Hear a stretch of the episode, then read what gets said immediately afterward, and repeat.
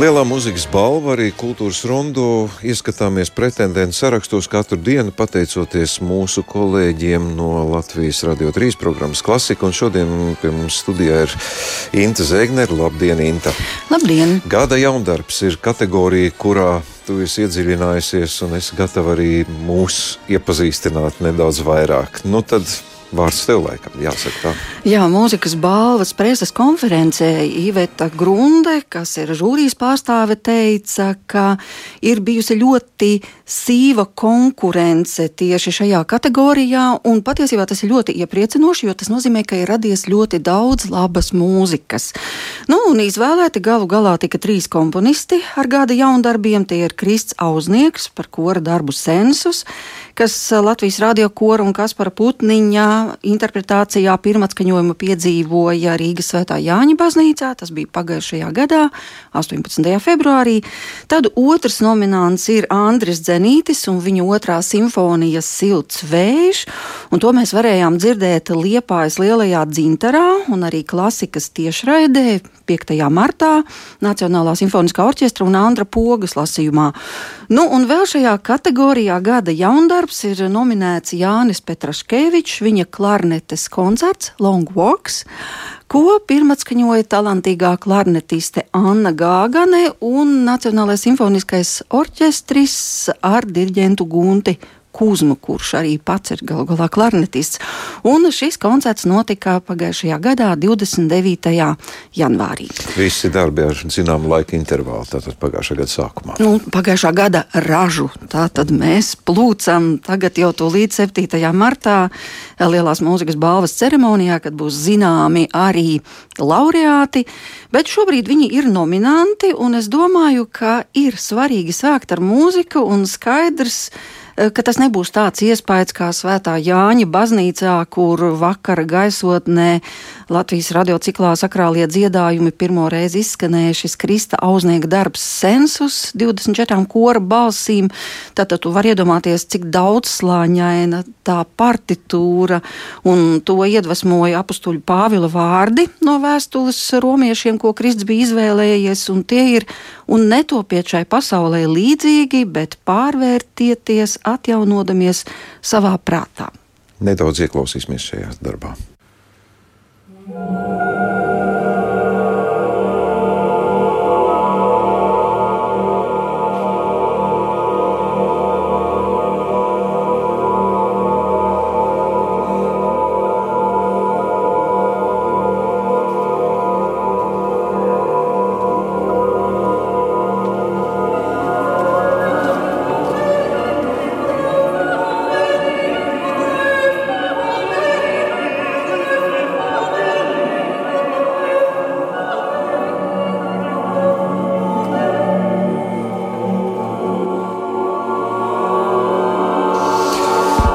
Jā, nu būs grūti pārcelties perfekti Svētā Jāņa baznīcā, bet vismaz nelielam ieskatam.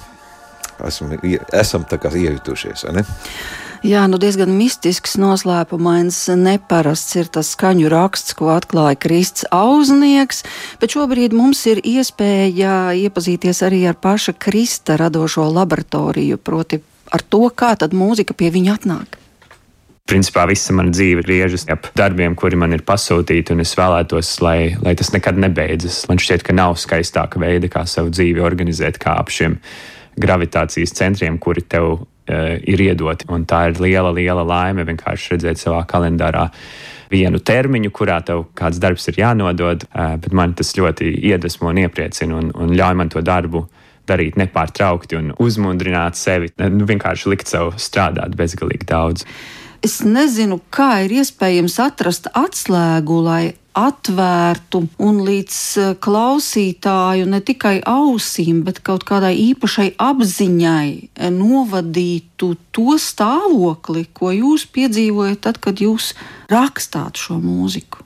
Un kompozīcija, kas izskanēja Rīgas Svētā Jāņa baznīcā, šis sensus, patiešām rodas šī sajūta, ka tu esi nonācis kaut kādā citā laika telpā. citā apziņas stāvoklī. Jā, paldies. Citreiz tāda sajūta ir, bet tas ir droši vien sekas tam, kā es esmu visu savu dzīvi dzīvojis. Un no vienas puses, gribas teikt, izvēlējies dzīvot, un no otras, gribas teikt, esmu vienkārši plūdis kaut kādā dzīves ceļā, kurš man ir bijis uzlikts gan kā svētība, gan kā krusts. Un, uh, man šķiet, ka tas, kā es pasauli pieredzu, protams, ir kaut kāds šis nenormālais jūtīgums, kas tev ļauj vienkārši uztvert kaut kādas mazākas vibrācijas tajā brīdī, bet no otras puses tas arī padara dzīvi dažkārt ļoti neciešamu, jo cilvēki, visi žesti, visa pasaule liekas, ka viņa vibrē kaut kādās daudz rupjākās frekvencēs, bet man liekas, ka mums visiem ir kaut kāds ceļš ejams, un man šķiet, ka mums visiem ir atklājams kaut kāds lielāks jūtīgums, un ja man mūzika to spēja izdarīt kaut vienam cilvēkam, tad jau mana eksistence ir kaut kādā ziņā attaisnota tam, ka es esmu varējis kādam pieskarties, un tad šis cilvēks aiziet no mana koncerta un vairs nevar dzīvot savu dzīvi kā agrāk. Man šķiet, ka tas ir vienīgais piepildījums. Man šķiet, ka mūzika ir vistiešākais rīks, kā iet kaut kādu garīgu ceļu un kā šim garīgajam ceļam pieskarties. Kā jūs savu mūziku saņemat? Es domāju, ka jūs viņu saņemat. Tu par brīvu saņem lietas tikai tad, kad tu esi ieguldījis nenormālu darbu, pavadījis šausmīgi ilgu laiku strādājot, un tad laiku pa laikam reizi pāris mēnešos atnāk kaut kas, kas tev palīdz atrisināt varbūt kaut kādu galējo problēmu šajā darbā, bet viss pārējais ir nepanesamas darba stundas ar kaut kādām bezgalīgām sāpēm. Tā kā tas mans process ir tāds lēns un pacietīgs, un tas prasa bezgala daudz laika. Tas man ļoti, ļoti fascinē likt vērsties iekšup, cerams, arī klausītājiem Jā, nu, Kristus Ausnieks, mēs arī aiz, aizkadrā runājam par šo īpašo cilvēku un viņa īpašo mūzikas valodu. Nu, viens no pretendentiem, bet mums jādodas tālāk. Nākamais Andris Zenīts, kuru arī nevar teikt, ka nebūtu īpašs. Tālāk, protams, nedaudz uzkavēties tajās noskaņās, kas atklātas viņa otrajā simfonijā Silts vējš.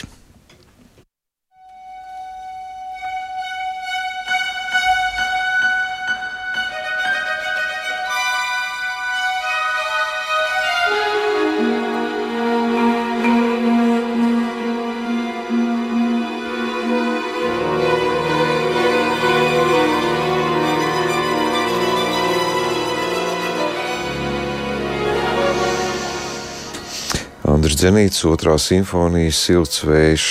Kas piebilstams tev pašai ir? Mēs tūlīt dzirdēsim, es ko pasaka. Es domāju, ka labāk, lai Andris Zenīts pats vispirms piebilst, un tad mēs vēl varam komentēt. Aha, klausīsimies, Andris Zenīts. Man šie lielie darbi parasti nav abstrakti. Man ir svarīgi kaut vai, lai tam būtu kaut kāds, nu, tāds zemapziņā veidots saturs, un šis jau arī nav nekādā ziņā ne ilustratīvs darbs, ne konkrēti gleznojošs darbs kaut kādām jūras batālijām vai ainavām, bet tas ir ceļojums savā zemapziņā, savā emocijās un tajos notikumos, kuros es piedzīvoju šīs sajūtas. Tie bija pārgājieni gar jūru, lielus gabalus, dažreiz pārāk lielus. Man gribējās, zināmā mērā, visu šo Latvijas jūras piekrastes līniju savā kaut kādā vizuālajā atmiņā savienot tādā vienā kaut kādā iekšējā filmā kad ejot gar krāstu, es atceros, kas bija aiz šī līkuma, kas būs aiz nākamā līkuma, un izjust visu to krāsu, emociju, faktūru, ilgstamību, pārējas, un nevis tā kā bieži vien mēs varbūt aizējām pie jūras un nonākam kādā konkrētā vietā, krastā un sakam, redz, cik smuki šeit ir, vai ne, vai redz, cik šeit ir neglīti, ja? bet sajust visu to, kā tās līnijas pāriet viena otrā, kā mainās Latvijas jūras piekrast, kā mainās jūra, kā mainās krāsas debesīs. Tas man kaut kā bija ļoti svarīgi sev šādu filmu iekšā saglabāt un ik pa laikam atcerēties. Bet tomēr tas siltais vējš, jo tu jau esi devis šo nosaukumu nosaukumu, šo šifru? Es izvēlējos kaut kādu tādu vienu ļoti spilgtu epizodi, kā virsrakstu šim darbam, un tā epizode bija ļoti neparasti. Jāsaka, ka vienā brīdī tas kaut kādā pievakarē, tas man liekas, bija agrs pavasars vai vēls rudens. Ejot tādā pustumsā, puskrāslā, tu pēkšņi jūti, ka apkārt ir augsts, bet tu nonāc pēkšņi pilnīgi tā kā silta gaisa straumē, ja, kur tev apņem tāds ārkārtīgi silta gaisa mākonis, kur tu jūties tādā savā ziņā īpatnē pasargāts. Jāsaka, tajā brīdī tur ir kaut kas pat īstenībā tāds sakrāls. Varētu to iztulkot arī kā kaut kāda cita spēka klātbūtne. Tad brīdī, kad tu šajā vēsumā atrodies tādā siltā, apņemtā vidē, kur tev tiešām izraisa tādas absolūti sajūsminošas, pozitīvas sajūtas. Un tas ir viens no maniem tādiem iekšēji tajā radīšanas procesā vispozitīvāk uzlādētiem darbiem, jo es tiešām centos domāt tikai sev patīkamas, uzlādējošas domas un ļoti varbūt um, introvertas domas. Tas, kas man vispār ir padarījis komponēšanas procesu interesantu, ir tas, ka es nevienmēr zinu, kāds būs tas galamērķis. Un man patiesībā tas ir tas, kas man visvairāk sagādā prieku, ka es sāku komponēt. Nu, protams, man ir kaut kāda nojausma, uz kurien tas ved, kāds viņš varētu būt, bet es to nezinu detaļās. Un tad strādājot, es pats sev daudz ko atklāju. Un tas ir tieši tāpat kā iet gar to jūru, kur tu visu laiku kaut ko jaunu ieraugi, bez tā līkuma viss ir savādāk, kā tev bija licies. Ja? Un tāpēc arī teiksim, man arvien svešāks liekas tās vajadzības pieturēties pie kaut kādām ļoti klasiskām mūzikas formām, kur mēs zinām, ka mēs pēc kaut kāda viena posma atgriezīsimies pēc kāda laika atkal pie tā paša, un tad mēs zinām, ah, tā bija tā tēma, ja tagad ir tas. Ja.